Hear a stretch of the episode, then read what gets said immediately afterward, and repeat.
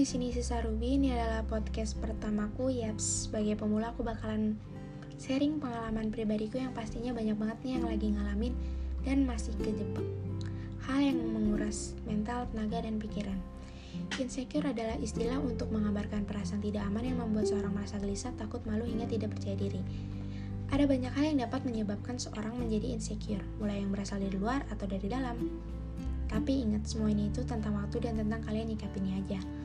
Aku selalu dapat omongan-omongan kayak, kamu kan pendek, kamu tuh gendut, kamu pakai pemutih ya, dan kamu kayak ibu-ibu hamil, diet, dan segala macam.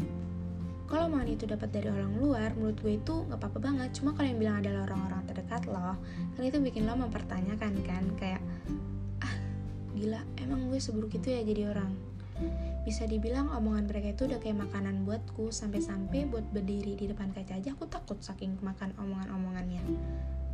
Aku udah coba diet nggak ngelakuin hal yang mereka bilang berusaha buat tampil baik supaya nggak denger semua kalimat itu. Tapi apa yang gue dapat?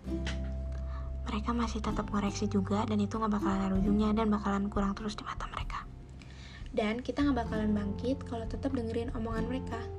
Waktu yang membantu aku menjadi lebih percaya diri hal yang paling pertama aku lakuin itu stop dengerin mereka stop deh pokoknya.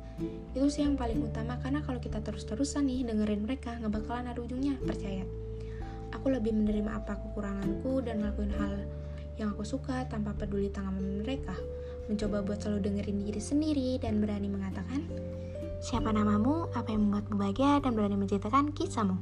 Kadang yang buat kita insecure itu bisa juga dari diri kita sendiri loh. Kayak bilang oke okay, gue harus kayak mereka. Oke okay, gue harus ngelakuin ini gue harus kayak dia. Berhenti stop buat bilang itu.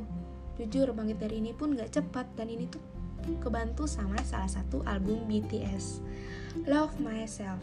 Dalam lagu ini terdapat tujuh lagu baru dan lagu lainnya. Salah satu adalah Love Myself lagu yang didedikasikan BTS untuk fansnya ARMY ini memiliki pesan yang mendalam, yaitu mencintai diri sendiri. Banyak dari kita tidak bisa mencintai diri kita sendiri dan sering melupakan diri kita.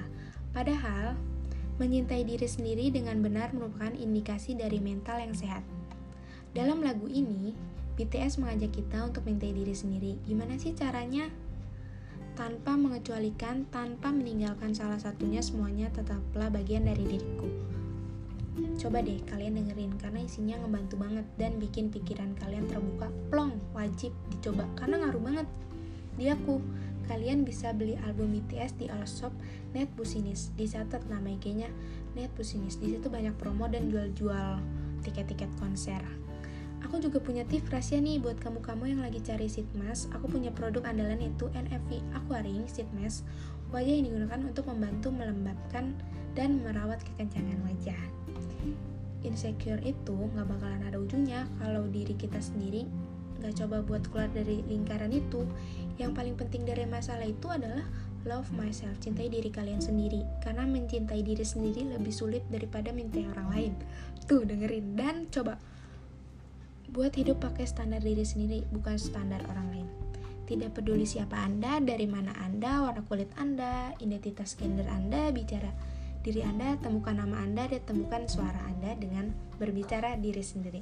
Setiap masalah pasti ada jalan keluarnya, akan berakhir seperti podcast hari ini. Tentunya aku bakalan sharing pengalamanku dan juga bahas yang lebih bermanfaat lagi. Sampai jumpa, ting tong ting tong.